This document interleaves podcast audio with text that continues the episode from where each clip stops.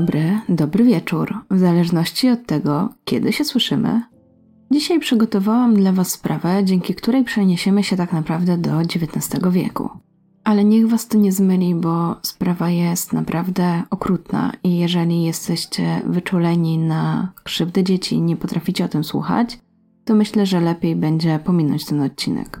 Myślę też, że do tej pory o tym zbyt głośno nie wspominałam, ale tego typu treści powinny słuchać głównie osoby powyżej 16 roku życia. Dlatego jeżeli macie mniej lat niż 16, to lepiej będzie, jeżeli nie odsłuchacie tego odcinka. Dziękuję także Sebastianowi, który podrzucił mi ten temat oraz pomógł przy szukaniu materiałów. Dziękuję i Wam za Wasze wsparcie, nie tylko to dobrym słowem, ale także w formie patronatu Naprawdę dzięki Wam ten kanał może się dalej rozwijać. A ja już nie przedłużam i zapraszam do wysłuchania dzisiejszej historii.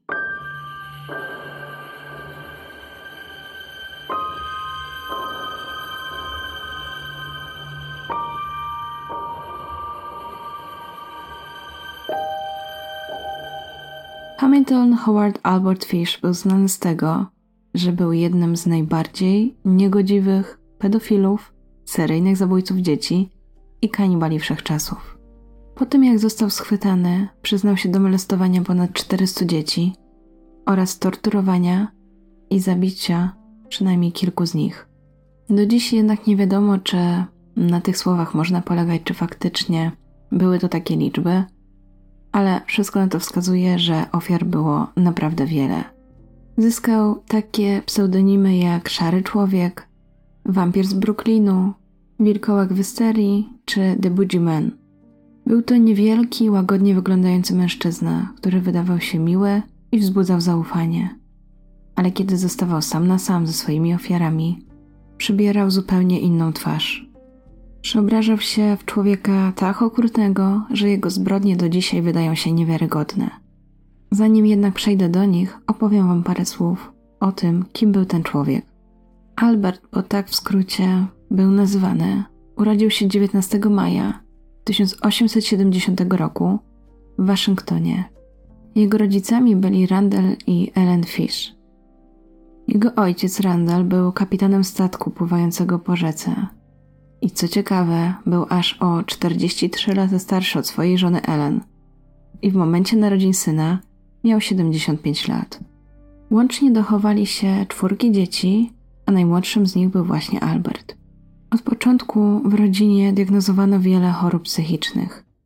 U wuja zdiagnozowano manię. Jednego z braci Alberta wysłano z kolei do psychiatryka.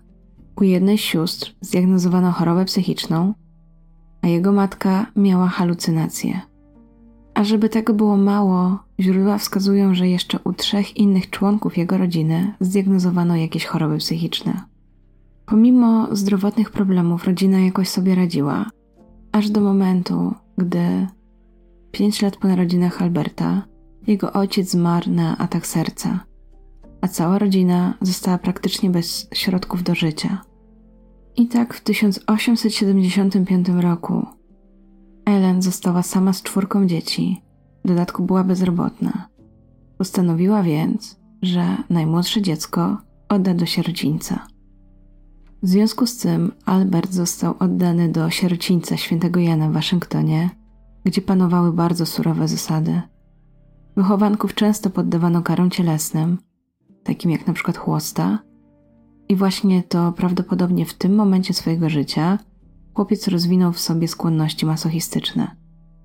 W tym czasie pogłębiał też swoją wiarę i między innymi śpiewał w kościele w chórze. W sierocińcu bardzo często dochodziło do brutalności. Fisz regularnie był narażony na bicie i różne akty sadystyczne. Sami opiekunowie brali w nich udział, a nawet zachęcali wychowanków do tego, aby krzywdzili się nawzajem. Dla pięciolatka było to koszmarne miejsce. Przeżywał naprawdę trudne chwile. Ale do pewnego momentu, dlatego że pewnym momencie znęcanie nad nim zaczęło sprawiać mu przyjemność. Gdy później jako dorosły mężczyzna został zapytany o właśnie te czasy w sierocińcu, wypowiedział się o nich w ten sposób. Byłem tam, dopóki nie miałem prawie 10 lat. I właśnie tam zaczęło się dziać coś złego. Byliśmy bezlitośnie biczowani. Widziałem chłopców, którzy robili wiele rzeczy, których nie powinni byli robić. Łącznie mały Albert spędził w sierocińcu między 4 a 5 lat, bo w zależności od źródła w 79 albo 80 roku jego mama dostała pracę i mogła zabrać go do domu. Ellen zaczęła pracować w administracji rządowej, a byt rodziny poprawił się na tyle, że mogła z powrotem ściągnąć syna do domu. Nie wiedziała tylko, że ściąga już zupełnie innego syna, który przez to, że był bity, że obcował na co dzień z przemocą, wykształcił w sobie skłonności sadomasochistyczne, a ból zaczął sprawiać mu przyjemność.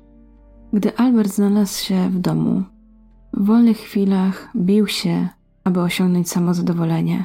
Z biegiem czasu rozwinęła się w nim psychoseksualna fiksacja, która korelowała między przyjemnością a bólem. Nie znalazłam informacji z jakiego powodu, ale w tym czasie, mniej więcej jako jedenastolatek, był znany z tego, że uciekał z domu w większości sobót. Był to też czas, kiedy moczył swoje łóżko. Pewnego dnia Albertowi zdarzył się nieszczęśliwy wypadek, bo wspinał się na drzewo wiśniowe i z niego spadł. A to spowodowało wstrząs mózgu, który ostatecznie doprowadził do silnych bólów głowy, zawrotów i uporczywego jąkania. Wszystkie te wydarzenia, które go do tej pory spotkały, sprawiły, że mając 12 lat, nawiązał romans z innym nastolatkiem. I nie było to całkiem niewinne, dlatego że jego partner wprowadził go w świat mocniejszych doznań seksualnych, które opierały się innymi o picie moczu i koprofagię. Ale ta relacja mu nie wystarczała i zaczął poświęcać swój czas w weekendy, aby wybierać się do łaźni publicznych, gdzie mógł podglądać rozebranych chłopców. Siedział tam całe dnie i obserwował, jak inni chłopcy się rozbierają, a następnie zaspokajał swoje potrzeby seksualne. Zachowanie to jest określane jako skotofilia. Wkrótce po tym Albert zaczął eksperymentować z samookaleczaniem. Jego ulubioną praktyką było wbijanie sobie igieł w pachwinę i brzuch. Inną rozrywką było chłostanie się na przykład wiosłem, do którego powbijał gwoździe, a następnie siebie uderzał. Jego preferencje seksualne coraz bardziej odbiegały od normy i wkrótce przekształciły się w skrajny BDSM. W 1890 roku cała rodzina postanowiła przenieść się do Nowego Jorku i według Fisza to właśnie tam rozpoczął swoje zbrodnicze działania. Po latach zeznał, że właśnie w tym okresie stał się męską prostytutką. Jednocześnie zarabiał pieniądze świadcząc takie usługi, ale też wabił chłopców, których mógł potem molestować. Jak tylko złapał okazję, to wywabiał dzieci z domu, torturował je na różne sposoby. Często używał wiosła z przymocowanymi ostrymi gwoździami, a na koniec gwałcił. Z biegiem czasu jego fantazje seksualne z dziećmi stawały się coraz bardziej przerażające i dziwaczne. Często kończył więc na ich mordowaniu i kanibalizmie. Nie wiadomo do końca, ile dzieci padło wtedy jego ofiarą, ale mógł okaleczyć przynajmniej kilkaset dzieci, a zabić nawet piętnaście. Gdy Albert skończył 15 lat, ukończył szkołę publiczną Postanowił odciąć się od przeszłości, dlatego że koledzy z klasy bardzo mu dokuczali i nazywali go szynką i jajkami. Więc zmienił swoje imię z Hamiltona na Albert, które było imieniem jednego z jego młodszych braci, który zmarł niedługo po narodzinach. Wieku 17 lat podjął się pracy malarza domowego. Do 1903 roku zaczął już gromadzić całkiem bogatą historię kryminalną. Między innymi miał już zarzuty o kradzież, o pisanie nieprzyzwoitych listów, a ostatecznie został skazany za właśnie dokonanie kradzieży. Miał też epizod w szpitalu psychiatrycznym i został z niego wypuszczony z opinią, że ma osobowość nienormalną i psychopatyczną. Został nawet opisany jako fanatyk religijny, który usiłował usprawiedliwić swoje przerażające działania poprzez Pismo Święte. Wierzył, że Bóg nakazał mu dręczyć i kastrować małych chłopców. Gdy Albert skończył 28 lat, jego matka postanowiła zaaranżować mu ślub. w związku z tym poślubił 19-letnią kobietę, która urodziła mu szóstkę dzieci. Sielanka trwała aż do 1910 roku, kiedy to żona opuściła mężczyznę i zostawiła z nim dzieci dla innego mężczyzny. Później w jednej z rozmów z psychiatrą Albert będzie twierdził, że to właśnie żona i jej niewierność spowodowało to, że tak te jego przestępstwa seksualne eskalowały.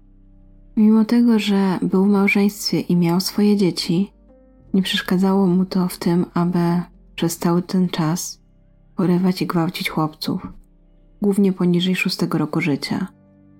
Tak jak wam wspomniałam, w 1903 roku, czyli gdy był już mężem i ojcem, został skazany za kradzież i spędził trochę czasu w słynnym więzieniu Sing Sing, gdzie regularnie uprawiał seks z innymi więźniami. Kiedyś wyznał też, że pewnego dnia odwiedził Muzeum Figur Woskowych i tam zobaczył penisa podzielonego na dwie części. Bardzo go to zafascynowało. Wkrótce po tym, jak żona go opuściła w 1910 roku, zdecydował się na związek z mężczyzną, który nazywał się Thomas Kedon i był niepełnosprawny umysłowo. Mężczyźni prawdopodobnie poznali się w pracy, dlatego że Thomas również był malarzem, a ich relacja właściwie od początku miała charakter sadomasochistyczny. Po dziesięciu dniach związku Albert postanowił zabrać Tomasa do opuszczonego domku wiejskiego i tam torturować go przez dwa tygodnie. Między innymi obciął mu penisa w połowie. I nagle, po dwóch tygodniach, jak gdyby nigdy nic, zdecydował, że ma już dość. Następnie owinął Tomasowi penisa chusteczką z wazeliną, rzucił mu dziesięciodolarowy banknot i pocałował na pożegnanie. Niektórzy twierdzą, że właśnie wtedy zaczęły się pojawiać jego mordercze pragnienia. Wszystko wskazywało też na to, że u Fisza pod koniec jego małżeństwa zaczęły się rozwijać halucynacje słuchowe, czyli słyszał głosy od Boga, przynajmniej on to tak deklarował, i coraz trudniej było z tym wytrzymać. I przypuszcza się, że właśnie z tego powodu żona go opuściła. W tym czasie, jak wam wspomniałam, został sam z szóstką dzieci i one dosyć szybko zauważyły jego dziwne zachowania. Chociaż gdy były pytane po czasie o tym, co się działo w domu, to tak naprawdę nigdy ich nie krzywdził. Jedynie co to prosił je, aby brały udział w jego sadomasochistycznych działaniach. Między innymi prosił swoje dzieci, aby uderzały go tym wiosłem z gwoździami, aż do momentu, gdy krew spłynie mu po nogach. Lubił też sobie wbijać głęboko igły. Po tym, jak zakończył małżeństwo ze swoją żoną, pisywał też do kobiet, które miały swoje ogłoszenia matrymonialne w różnych gazetach i w bardzo obrazowy sposób opisywał swoje potrzeby i liczył, że któraś z pań mogłaby je spełnić. Podobno opisy były tak obrzydliwe, że nigdy nie zostały upublicznione, chociaż później zostały przedstawione jako dowód w sądzie. Sam mężczyzna deklarował, że nigdy żadna z tych kobiet nie odpowiedziała mu na jego prośby. I mając tę wiadomość, zaczęłam się zastanawiać, czy w takim razie Albert był homoseksualistą czy biseksualistą, ale myślę, że raczej biseksualistą. Przez ten cały czas pracował jako malarz i rozwijał swoje umiejętności. W związku z tym często pracował w różnych stanach na terenie całego kraju. Niektórzy uważali, że wybierał stany, które były głównie zamieszkiwane przez Afroamerykanów, ponieważ sądził, że policja poświęci mniej czasu na szukanie zabójcy dzieci afroamerykańskich niż dzieci rasy białej. W związku z czym jego ofiary były głównie czarnoskóre, a do tego Albert wymagał od nich, aby znosiły tortury z wykorzystaniem instrumentów piekielnych, które obejmowały wiosło, tasak i noże. Był to też czas, kiedy zaczął swoje praktyki kanibalistyczne. Podobno na początku zaczął od jedzenia surowego mięsa. Kiedy to nie wystarczyło, zaczął uprowadzać małe dzieci, które wykorzystywał, a następnie konsumował. Gdy później wyznawał policji swoje zbrodnie, powiedział, że miał dziecko w każdym stanie łysa. Nie było jasne, czy miał na myśli to, ile zjadł dzieci, czy ile wykorzystał seksualnie. Głównie atakował bezdomne i czarnoskóre dzieci, aby upewnić się, że nikt ich potem nie będzie szukać. Opracował też technikę uprowadzania swoich ofiar poprzez ludzi, którzy szukali pracy w gazetach. Nie licząc sytuacji, kiedy to w 1924 roku ktoś widział, jak Albert obserwował dwóch małych chłopców, których później ostatecznie zamordował, to uchodziło mu to wszystko płazem. Wtedy też doczekał się pseudonimu Boogeyman. Z kolei tytuł Szarego Człowieka otrzymał wtedy, gdy porwał z parku małego chłopca i udusił go w pobliskim lesie za pomocą szelek, a jego zrozpaczona matka głosiła, że widziała człowieka, który wyglądał na całkowicie szarego mężczyznę. I wydawałoby się, że Albert nigdy nie zostanie schwytany, ale w końcu popełnił błąd. W 1928 roku przeczytał w gazecie ogłoszenie 18-letniego Edwarda Bada, który poszukiwał pracy w niepełnym wymiarze godzin. Kilka dni później mężczyzna przyjechał do domu chłopaka i posługując się fałszywym nazwiskiem, zaproponował, że zatrudni młodzieńca. Tak naprawdę chciał go jedynie okaleczyć i zabić. Po kilku dniach wrócił ponownie i wtedy spotkał siostrę Edwarda, dziewięcioletnią Grace. I nagle poczuł, że to ona powinna stać się jego ofiarą. Musiał tylko opracować dobry plan. Zaproponował więc Edwardowi, że zapłaci mu 15 dolarów tygodniowo, a jego rodzina była podekscytowana, że w końcu Edwardowi udało się znaleźć pracę i do tego u takiego miłego, uprzejmego pana. Fish przekazał rodzinie Badów, że wróci do nich w następnym tygodniu i wtedy zabierze Edwarda i jego przyjaciela na swoją farmę i tam chłopcy rozpoczną pracę. Jednak nie pojawił się w obiecanym dniu, jedynie wysłał telegram z przeprosinami i wyznaczył nową datę spotkania. Ostatecznie przybył do domu Badów 4 czerwca i przywiózł ze sobą prezenty dla wszystkich dzieci. Rodzina zaprosiła go także na lunch, więc razem spożyli posiłek, a rodzina była naprawdę szczęśliwa, bo Albert był jak kochający dziadek.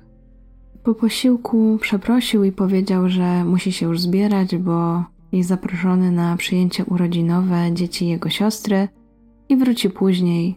Tak jak wspomniał, odbierze Ediego i jego przyjaciela. Jednak zatrzymał się i po chwili namysłu powiedział, że właściwie to mógłby zabrać ich dziewięcioletnią córkę Grace, bo tam byłyby dzieci w jej wieku, fajnie by się tam bawiła, też jakaś atrakcja. I właściwie tym dosyć szybko przekonał rodziców, którzy niczego nie podejrzewali. Wybrali najlepsze niedzielne ubranie dla małej Grace, a podekscytowana dziewczynka wyszła ze starszym mężczyzną. Rodzice nie wiedzieli, że widzą ją po raz ostatni, a rozwiązanie zagadki jej śmierci zajmie detektywom 6 lat. Grace była oczarowana swoją wycieczką. Właściwie tylko dwa razy w życiu była poza miastem, więc była to dla niej ogromna przyjemność. Jechali razem pociągiem, a Albert był tak podekscytowany, że swój tobołek z narzędziami zostawił w pociągu. I jak na ironię, Mała dziewczynka zauważyła ten fakt i przypomniała mu, aby nie zapomniał zabrać swojej paczki. Następnie spacerowali wzdłuż mało uczęszczanej drogi, aż dotarli do opuszczonego dwupiętrowego budynku, stojącego pośrodku lasu. Grace była zachwycona. Wąchała kwiaty, dotykała różnych roślin. Po prostu celebrowała tę chwilę. W tym czasie Albert wszedł do sypialni na drugim piętrze i otworzył swój tobołek z narzędziami, a potem zdjął z siebie ubranie. Następnie zawołał Grace, aby weszła do niego na górę. Dziewczynka zdążyła w tym czasie zrobić mały bukiet i weszła do sypialni na piętrze, skąd wołał ją mężczyzna. Kiedy zobaczyła nagiego starca, zaczęła wołać swoją mamę i próbowała uciekać, ale Fish był szybszy.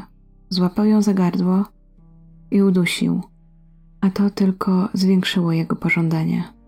Podparł jej głowę starą puszką po farbie i odciął ją, starając się, aby większość krwi trafiła do pojemnika po tej farbie. Następnie wylał wiadro jej krwi na podwórko. Rozebrał jej ciało i rozciął je na pół rzeźnickim nożem i toporem. Część ciała zabrał ze sobą, zawinąwszy w gazetę. Resztę zostawił aż do swojego powrotu kilka dni później. Następnie wyrzucił za kamieniami z tyłu domu. W ten sam sposób pozbył się swoich narzędzi. Tego samego dnia policja zawitała do owego domu i odkryła szczątki Gracie. Ironiczne było to, że Albert stał nieopodal i nie okazywał żadnych emocji. Początkowo za morderstwo Grace policja aresztowała dozorcę domu, 66-letniego Charlesa Popa, ale nie uznano go ostatecznie za winnego. W więzieniu spędził 109 dni, a następnie został wypuszczony. Śledztwo w sprawie Grace trwało. Mijały kolejne dni, miesiące, lata, a policja nie miała żadnych śladów. Zrozpaczeni rodzice nie byli w stanie nawet zlokalizować owego mężczyzny, który zabrał ich dziecko, bo jak się okazało, jego tożsamość była fałszywa. I właściwie, gdyby nie to, że Alberta coś tchnęło i postanowił napisać list, nigdy nie zostałby złapany. 11 listopada 1934 roku pani Bad otrzymała anonimowy list, który zawierał szczegóły morderstwa i kanibalizmu, które spotkały jej córkę. Przeczytam wam teraz ten list. Moi drodzy Państwo Bad, w 1894 roku mój przyjaciel zaokrętował się jako majtek na parowcu Tacoma pod dowództwem kapitana Johna Davisa. Pływali z San Francisco do Hongkongu w Chinach. Dobiwszy do brzegu, on i dwóch innych zeszli na ląd i upili się. Kiedy wrócili, łódź zniknęła. W tym czasie panował w Chinach głód. Mięso dowolnego rodzaju kosztowało od dolara do trzech za funt. Cierpienie najbiedniejszych było tak wielkie, że wszystkie dzieci poniżej 12 roku życia były sprzedawane na żywność w celu oszczędzenia innych przed śmiercią głodową. Chłopiec lub dziewczynka przed 14 rokiem życia nie były bezpieczne na ulicach. Mogłeś pójść do sklepu i poprosić o stek, kotlet lub duszone mięso. Przyniesiono by ci części nagiego ciała chłopca lub dziewczynki i odcięto to, o co prosiłeś. Zatki chłopca lub dziewczynek, które są najsłodszą partią ciała i sprzedaje się jako cielęcinę, osiągały najwyższe ceny. John został tam tak długo, że rozsmakował się w ludzkim mięsie. Po powrocie do Nowego Jorku ukradł dwóch chłopców, jednego siedmio i jednego jedenastoletniego. Zabrał ich do swojego domu, rozebrał do naga, związał w szafie. Potem spalił wszystko, co mieli na sobie. Kilka razy każdego dnia i nocy bił ich, torturował, aby uczynić ich mięso dobrym i delikatnym. Najpierw zabił jedenastoletniego chłopca, ponieważ ten miał najgrubszą dupę i oczywiście najwięcej w niej mięsa. Każda część jego ciała została ugotowana i zjedzona, poza głową, kośćmi i wnętrznościami. Został upieczony w piecu, cała jego dupa, ugotowane, upieczony na ruszcie, usmażony i uduszony. Mały chłopiec był następny. Przeszedł tę samą drogę. tym czasie ja mieszkałem na ulicy 409 i 100 Street, w pobliżu po prawej. Opowiadał mi on tak często, jak dobre jest ludzkie mięso, że zdecydowałem się go spróbować. W niedzielę 3 czerwca 1928 roku padłem do was. Przyniosłem wam ser i truskawki. Zjedliśmy lunch. Grace usiadła mi na kolanach i pocałowała mnie. Zdecydowałem się ją zjeść. Wyprowadziłem ją z domu pod pozorem zabrania na przyjęcie. Powiedziała pani: Tak, może iść. Zabrałem ją do pustego domu w Westchester, który uprzednio wybrałem. Kiedy już tam dotarliśmy, powiedziałem jej, aby pozostała na zewnątrz. Zerwała kwiatki. Ja wszedłem na górę i zdjąłem z siebie całe ubranie. Wiedziałem, że gdybym tego nie zrobił, to całe byłoby w jej krwi. Kiedy byłem gotowy, podszedłem do okna i zawołałem ją. Potem schowałem się w szafie i siedziałem tam, dopóki nie weszła do pokoju. Kiedy mnie zobaczyła, całego nagiego, zaczęła płakać i próbowała zbiec po schodach. Złapałem ją, a ona powiedziała, że poskarży się mamie. Najpierw rozebrałem ją do naga, jakże ona kopała, gryzła i drapała. Udusiłem ją, potem pociąłem na małe kawałki tak, aby mógł zabrać mięso do mieszkania. Ugotować i zjeść się. Jakże słodka i delikatna była jej mała dupcia upieczona w piekarniku. Nie wypieprzyłem jej, chociaż że mógł i chciał. Umarła jako dziewica. Po nadruku na koparcie policji udało się w końcu dotrzeć do Alberta Fisza i go aresztować. W międzyczasie opublikowano też w prasie jego zdjęcie i zgłosił się świadek, który widział go z innym zaginionym 11-letnim chłopcem, Billy Gaffneyem. Jak się później okazało, Albert porwał także i jego, a następnie zabił go, upiekł jego ciało i zjadł. Najgorsze jednak w tym wszystkim było to, że gdy Fish wyznawał, co robił, to cały czas się uśmiechał. W oczach policjantów był jak wcielenie diabła. Po zbadaniu listu okazało się, że napisano go na papierze wytwarzanym lokalnie w Nowym Jorku. Udało się dotrzeć do firmy, która się tym zajmowała, a policja przepytała dozorcę, który powiedział, że faktycznie zostawił trochę papieru wynajmowanym przez siebie wcześniej pokoju. Okazało się, że kolejnym mieszkańcem tego pokoju był Albert Fish, który przestał wynajmować owy pokój zaledwie kilka dni wcześniej. Choć na miejscu nie było Alberta, to jednak udało się ustalić, że gospodyni miała dla niego list, po którym miał się niedługo zgłosić. W ten sposób udało się namierzyć mężczyznę i zaplanować zasadzkę. Gdy mężczyzna pojawił się w owym budynku, aby odebrać swój list, wtedy został aresztowany. Od razu zawieziono go na komisariat. Początkowo mężczyzna się szarpał, próbował nawet zaatakować jednego z policjantów, ale udało go się obezwładnić. W trakcie przesłuchania uśmiech nie schodził mu ani na chwilę z twarzy. Przepytywał go m.in. detektyw William King, który zapytał go o motyw jego zbrodni, na co uzyskał odpowiedź. No wiesz, nigdy nie potrafiłem tego wyjaśnić. Policja miała też zeznanie właścicielki pensjonatu, w którym przebywał do tej pory, w którym wynajmował ten pokój, i kobieta potwierdziła na piśmie, że to jest Albert Fish. Również rodziców Grace wezwano i poproszono, aby zweryfikowali, czy to ten mężczyzna był u nich w domu. Ojciec Grace nie tylko rozpoznał mężczyznę, ale wręcz rzucił się na niego krzycząc: Ty stary draniu, parszywy synu. Pan Bat był zdziwiony całkowitym brakiem emocji u Fisza. Poznałeś mnie? zapytał starca. Tak, odparł uprzejmie Fisz. Pan jest panem Bat. Na co mężczyzna odpowiedział: A ty jesteś człowiekiem, który przyszedł do mego domu jako gość i zabrał mi moją małą córeczkę. Odrzekł płacząc. Im dłużej trwało przesłuchanie, tym więcej makabrycznych szczegółów wychodziło. Okazało się, że porwanie i zamordowanie, a następnie zjedzenie Grace nie było jego jedyną zbrodnią. Powiązano go także z morderstwem 15-letniej dziewczyny Mary O'Connor, które miało miejsce w 1932 roku, a której zmaltretowane ciało znaleziono w zaleśnionym terenie niedaleko domu, którego wnętrze malował kiedyś Fish. Mężczyzna przyznał się także do zamordowania ośmioletniego Francisa McDonnella na Staten Island. Chłopiec został zgwałcony, a następnie uduszony własnymi szelkami. O tej sprawie już Wam wspominałam.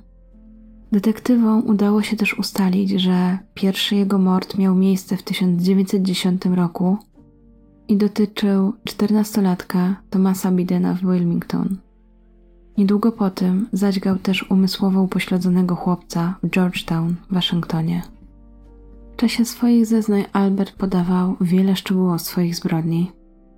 Między innymi opowiedział właśnie jak w 1924 roku zabił wspomnianego wcześniej Francisa McDonnella.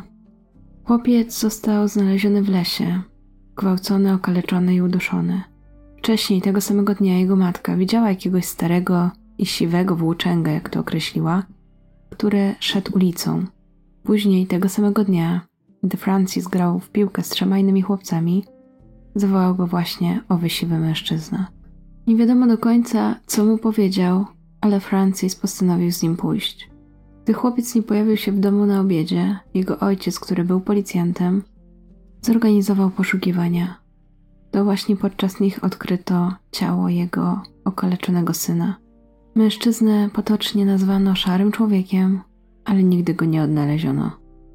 Oprócz tego, że Pisza dokładnie przesłuchano, to również go zbadano. Wykonano między innymi prześwietlenie, w trakcie którego wykazano, że w momencie schwytania Fisz miał w swoim organizmie 30 igieł między moszną a odbytem.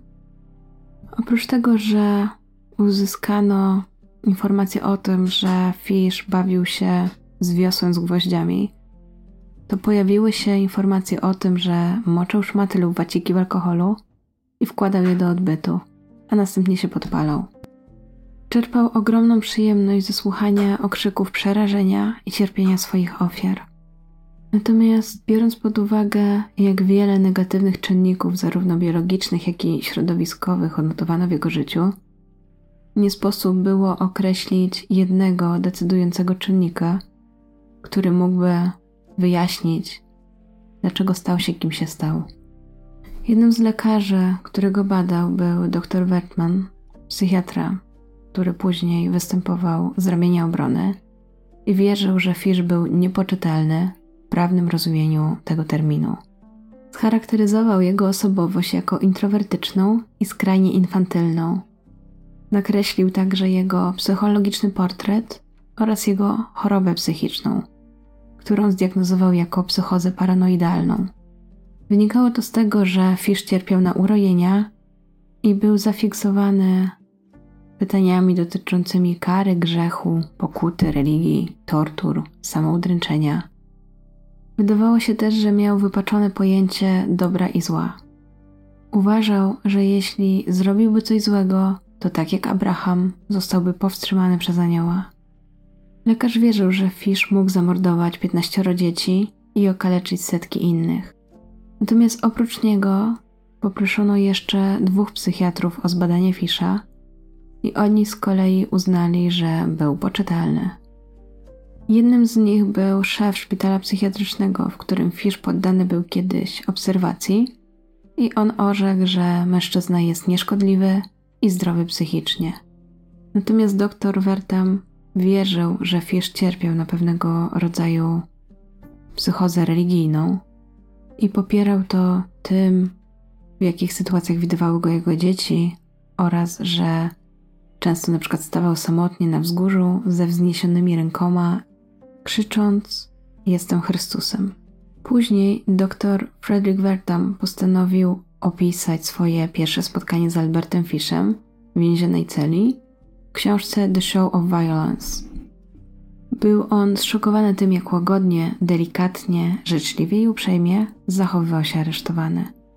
Dodał, że mężczyzna sprawiał takie wrażenie, że jeśli ktoś szukałby kogoś, komu chciałby powierzyć opiekę nad dzieckiem, to zdecydowanie intuicyjnie jego by się wybrało. Wróćmy jednak do przesłuchania, w trakcie którego zapytano Fisza m.in. o to, dlaczego napisał ten list, który właściwie doprowadził do jego schwytania Na co mężczyzna odpowiedział, że sam nie jest tego pewien, ale że zawsze miał manię pisania. Gdy pytano go, dlaczego dopuścił się takich czynów, odpowiadał, że zawsze miał ochotę zadawać ból innym i sprawić, żeby inni zadawali jemu ból. Dodawał też, że zawsze mu się wydawało, iż lubił wszystko, co boli, a chęć zadawania bólu była dla niego najważniejsza. Deklarował też, że doświadczał głosów, z których jeden z nich był Janem Apostołem, a który powiedział mu na przykład, aby owinął się w dywan i tak spędził całą noc. Właściwie jedyną empatię, jaką wykazywał, była ta skierowana do jego dzieci. Mówił śledczym, że wciąż się martwi o swoje dzieci, nawet wtedy szlochał. Wiek jego szóstki wahał się wtedy od 21 do 35 lat. Powiedział do detektywa między innymi coś takiego. Myśli pan, że pewnie przyszły odwiedzić swojego staruszka w więzieniu, ale one tego nie zrobiły. I właściwie trudno się dziwić, bo zbrodnie, jakich się dopuścił, były naprawdę okropne. Dodał też, że ma ogromny żal do swojej żony, bo urodziła mu szóstkę dzieci i go opuściła. Do tego zabrała wszystkie meble i nie zostawiła dzieciom nawet materacy, na którym mogłyby spać. Tak jak Wam wspomniałam wcześniej, to właśnie ją obwiniał o swoje działania. Początkowo Alberta Fisha ustawiono w skan oskarżenia na Manhattanie i Westchester County za morderstwo pierwszego stopnia i oskarżenie o porwanie. Jednak wkrótce policja dokonała wielkiego przełomu, gdy motornicze bruklińskiej kolejki ujrzał w gazecie zdjęcie Fisha i poszedł na policję, aby go zidentyfikować. Powiedział, że widział go 11 lutego 1927 roku, gdy ten próbował uciszyć małego chłopca siedzącego z nim w wagonie. Mały chłopiec nie miał ani kurtki, ani płaszcza. Ciągle krzyczał, że chce do swojej mamy, a starzec na siłę musiał wciągnąć go do wagonu, a potem z niego wyciągnąć. Jak się później okazało, tym porwanym był Billy Gaffney. Ustanowiono więc skonfrontować Alberta z tymi zeznaniami. Mężczyzna przyznał się do wszystkich potwornych rzeczy, które mu zrobił. Do tego, jak to zaprowadził go na wysypisko. Rozebrał do naga, a następnie związał jego ręce i stopy. Na koniec zakneblował kawałkiem brudnej szmaty, którą przyniósł z wysypiska. Potem spalił jego ubrania, a buty wyrzucił. Wsiadł do kolejki i o drugiej w nocy wrócił do domu. Następnego dnia, około godziny 14, wziął narzędzia i pojechał na wysypisko. Przygotował się do tego wcześniej, wziął jeden ze swoich pasków i pociął je na ośmiocalowe części, a następnie bił go nimi w nagie pośladki. Odciął mu uszy, potem nos, rozciął usta od ucha do ucha, wyłupił oczy. Chłopiec był wtedy martwy. Potem wbił nóż w jego brzuszek i przytknął usta do jego ciała, by wypić krew. Wziął stare torby, które służyły do przetrzymywania pomidorów i zebrał kupę kamieni. Potem pociął malca. Miał też ze sobą małą walizkę. Włożył tam jego części ciała. A tych, których jeszcze nie pociął, postanowił pociąć na małe kawałeczki. Do walizki włożył też mnóstwo papieru. Głowę, stopy, ręce, dłonie i nogi poniżej kolan włożył do toreb obciążonych kamieniami, a następnie wrzucił do zbiorników z mętną wodą, które prowadziły do North Beach. Z pociętymi kawałkami ciała chłopca wrócił do domu, a tam postanowił je przyrządzić. Dodał do nich cebulę, marchewki, rzepę, seler, sól i pieprz. Skomentował, że było przepyszne. Śledczy byli osłupieni. Niedługo potem powiązano go jeszcze z morderstwem 15-letniej Mary Connor, której też już Wam wspominałam. I przy tych wszystkich zarzutach w różnych okręgach właściwie istniała bardzo nikła szansa, że Albert zostanie uniewinniony. Jedyną możliwością oddalenia wniosku prokuratora o karę śmierci mogło być tylko oświadczenie psychiatrów, że jest niepoczytalny, ale do tego nie doszło. Spośród dziesiątek morderstw, do których się przyznał, policja ostatecznie mogła potwierdzić tylko trzy mając odpowiednie dowody. W trakcie oceny psychiatrycznej Fish przyznał się do ponad 10 fetyszy. Wśród nich była pedofilia, infibulacja i ekshibicjonizm. Mężczyzna twierdził, że to Bóg go instruuje, że ma molestować, zabijać i zjadać swoje ofiary. Chociaż to, co wygadywał, brzmiało jakby był szalony, to ostatecznie uznano, że jest poczytalny i ława przysięgłych podjęła bardzo szybko decyzję. Obroną Fisha zajął się James Dempsey, który miał przed sobą niełatwe zadanie. Adwokat skupił się przede wszystkim na tym, aby wykazać, że jego klient jest chory psychicznie, co wynikało z jego nietypowych zachowań. Dodał też, że Fish cierpi na urojenia i halucynacje i że powinien zostać uznany za chorego. Aby to potwierdzić, adwokat przedstawił zdjęcia rentgenowskie miednicy Fisza, na których widać było ponad 12 wbitych igieł, czego dokonał własnoręcznie. Mimo tego sąd uznał Fisza za poczytalnego. Proces rozpoczął się 16 stycznia 1936 roku i trwał 10 dni. Oskarżycielem był główny zastępca prokuratora okręgowego Albert F. Gallagher. Jego taktyka została określona już na początku procesu. Chciał wykazać, iż mężczyzna był poczytalny, a dowodem w skrócie miało być to, że tak naprawdę zna różnicę między dobrem a złem i rozumie naturę i jakość swych czynów. Nie jest też umysłowo dysfunkcjonalny i że ma doskonałą pamięć jak na człowieka w jego wieku. Do tego charakteryzuje się dosyć dobrą orientacją, nie ma zaburzeń psychicznych, jest jedynie nienormalny seksualnie, a z medycznego punktu widzenia jest seksualnym zboczeńcem albo seksualnym psychopatą. Natomiast to, że jego czyny były nienormalne, że należy go uznać jako niepoczytelnego. Z kolei obrońca skupił się na jego dziwnym życiu, samobiczowaniu i wbijaniu w siebie igieł. Następnie przywołał to, że Fish pełnił rolę ojca i bardzo kochał swoje dzieci, że nigdy nic złego im nie zrobił i że pomimo iż został samotnym ojcem, to dbał o wszystkie swoje dzieci. Dodał też, że ani razu w swoim życiu nie podniósł ręki na własne dziecko. Odmawiał modlitwę dziękczynną przy każdym posiłku a gdy żona go opuściła, to najmłodsze dziecko miało wtedy trzylatka. Na sali sądowej pojawili się też rodzice Grace. Oczywiście obrońca próbował podważyć ich opinię, sugerując, że sami pozwolili, aby poszła z Fiszem na jakieś przyjęcie urodzinowe, czym w efekcie wywołał ogromną rozpacz jej rodziców. Trzeciego dnia procesu, pomimo ogromnego sprzeciwu ze strony obrońców, do procesu włączono pudło ze szczątkami Grace.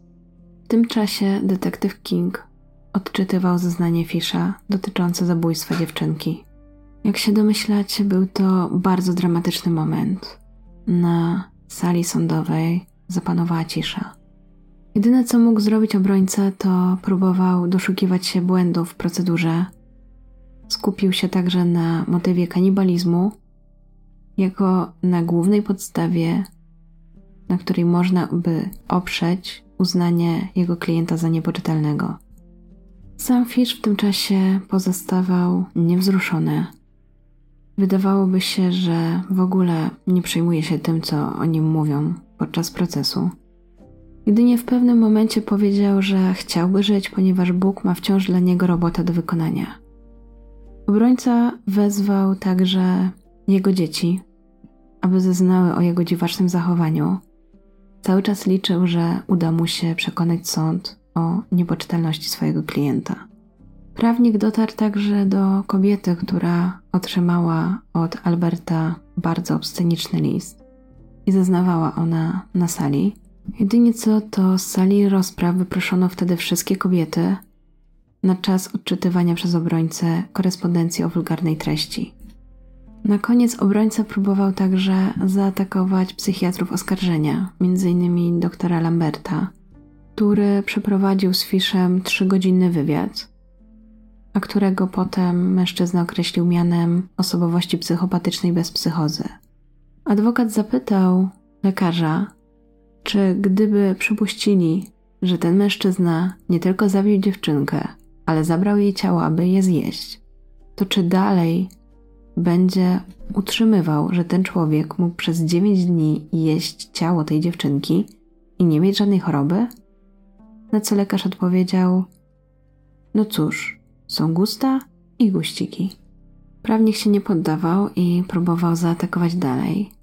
Powiedział, aby lekarz przedstawił, ile razy w trakcie swojej praktyki widział przypadki osób zjadających ludzkie odchody. Na co lekarz powiedział: Och, znam osobników wyróżniających się na tle społeczeństwa, w szczególności jednego, którego wszyscy znamy, który używał ich jako przystawkę do sałatek. Pomimo usilnych prób obrony, ostatecznie, po dziesięciu dniach, ława przysięgłych była gotowa, aby podać werdykt. Ustalili go w godzinę. Mężczyzna został skazany na karę śmierci poprzez porażenie prądem na krześle elektrycznym.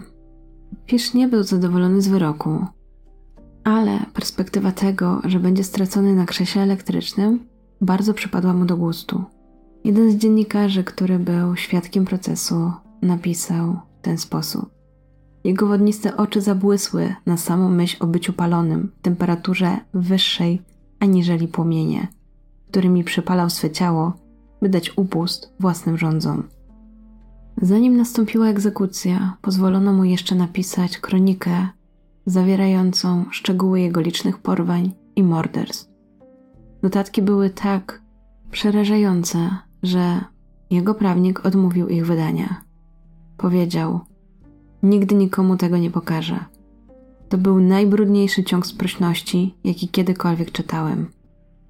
Przed egzekucją wypowiedział ostatnie słowa, które brzmiały tak: Nie wiem nawet, dlaczego tu jestem. Do egzekucji doszło w więzieniu Sing Sing w Old Sing w stanie Nowy Jork. Podobno proces ten był uważany przez Alberta za ostatni seksualny dreszczyk emocji. Jak się domyślacie, przypadek Alberta Fisza wzbudził naprawdę szerokie spekulacje wśród profesjonalistów zainteresowanym aspektem natura kontra wychowanie. W końcu od wielu lat naukowcy sprzeczają się, czy seryjnym mordercą się rodzimy, czy dopiero stajemy.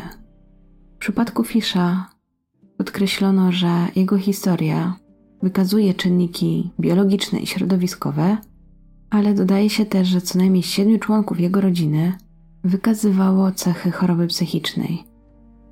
I choć jego wczesne dzieciństwo związane było z torturami, ośmieszaniem, urazem głowy, to i tak nie mogą w pełni wyjaśnić tych wszystkich zbrodni, jakich dopuścił się mężczyzna. Niezależnie od etiologii swojego zachowania, Fish pozostaje jednym z najbardziej dewiacyjnych seryjnych morderców w historii Ameryki, który właściwie do dzisiaj jest rekordzistą pod względem najbardziej udokumentowanej liczby parafilmii.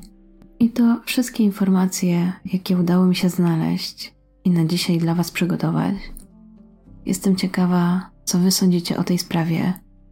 Przyznam, że wiedziałam, że będzie trudna do opowiadania, ale nie sądziłam, że pojawi się tak wiele drastycznych szczegółów, choćby odnośnie kanibalizmu.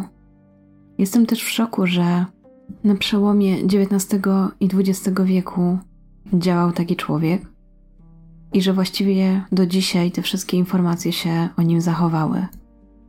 Jestem ciekawa, co Wy uważacie o tej sprawie, jakie są Wasze odczucia, choć podejrzewam, że no nie mogą to być pozytywne odczucia, oczywiście.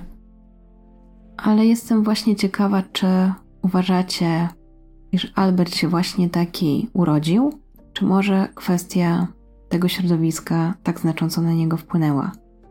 Zapraszam Was do dyskusji, a tymczasem życzę miłego dnia, dobranoc, do usłyszenia.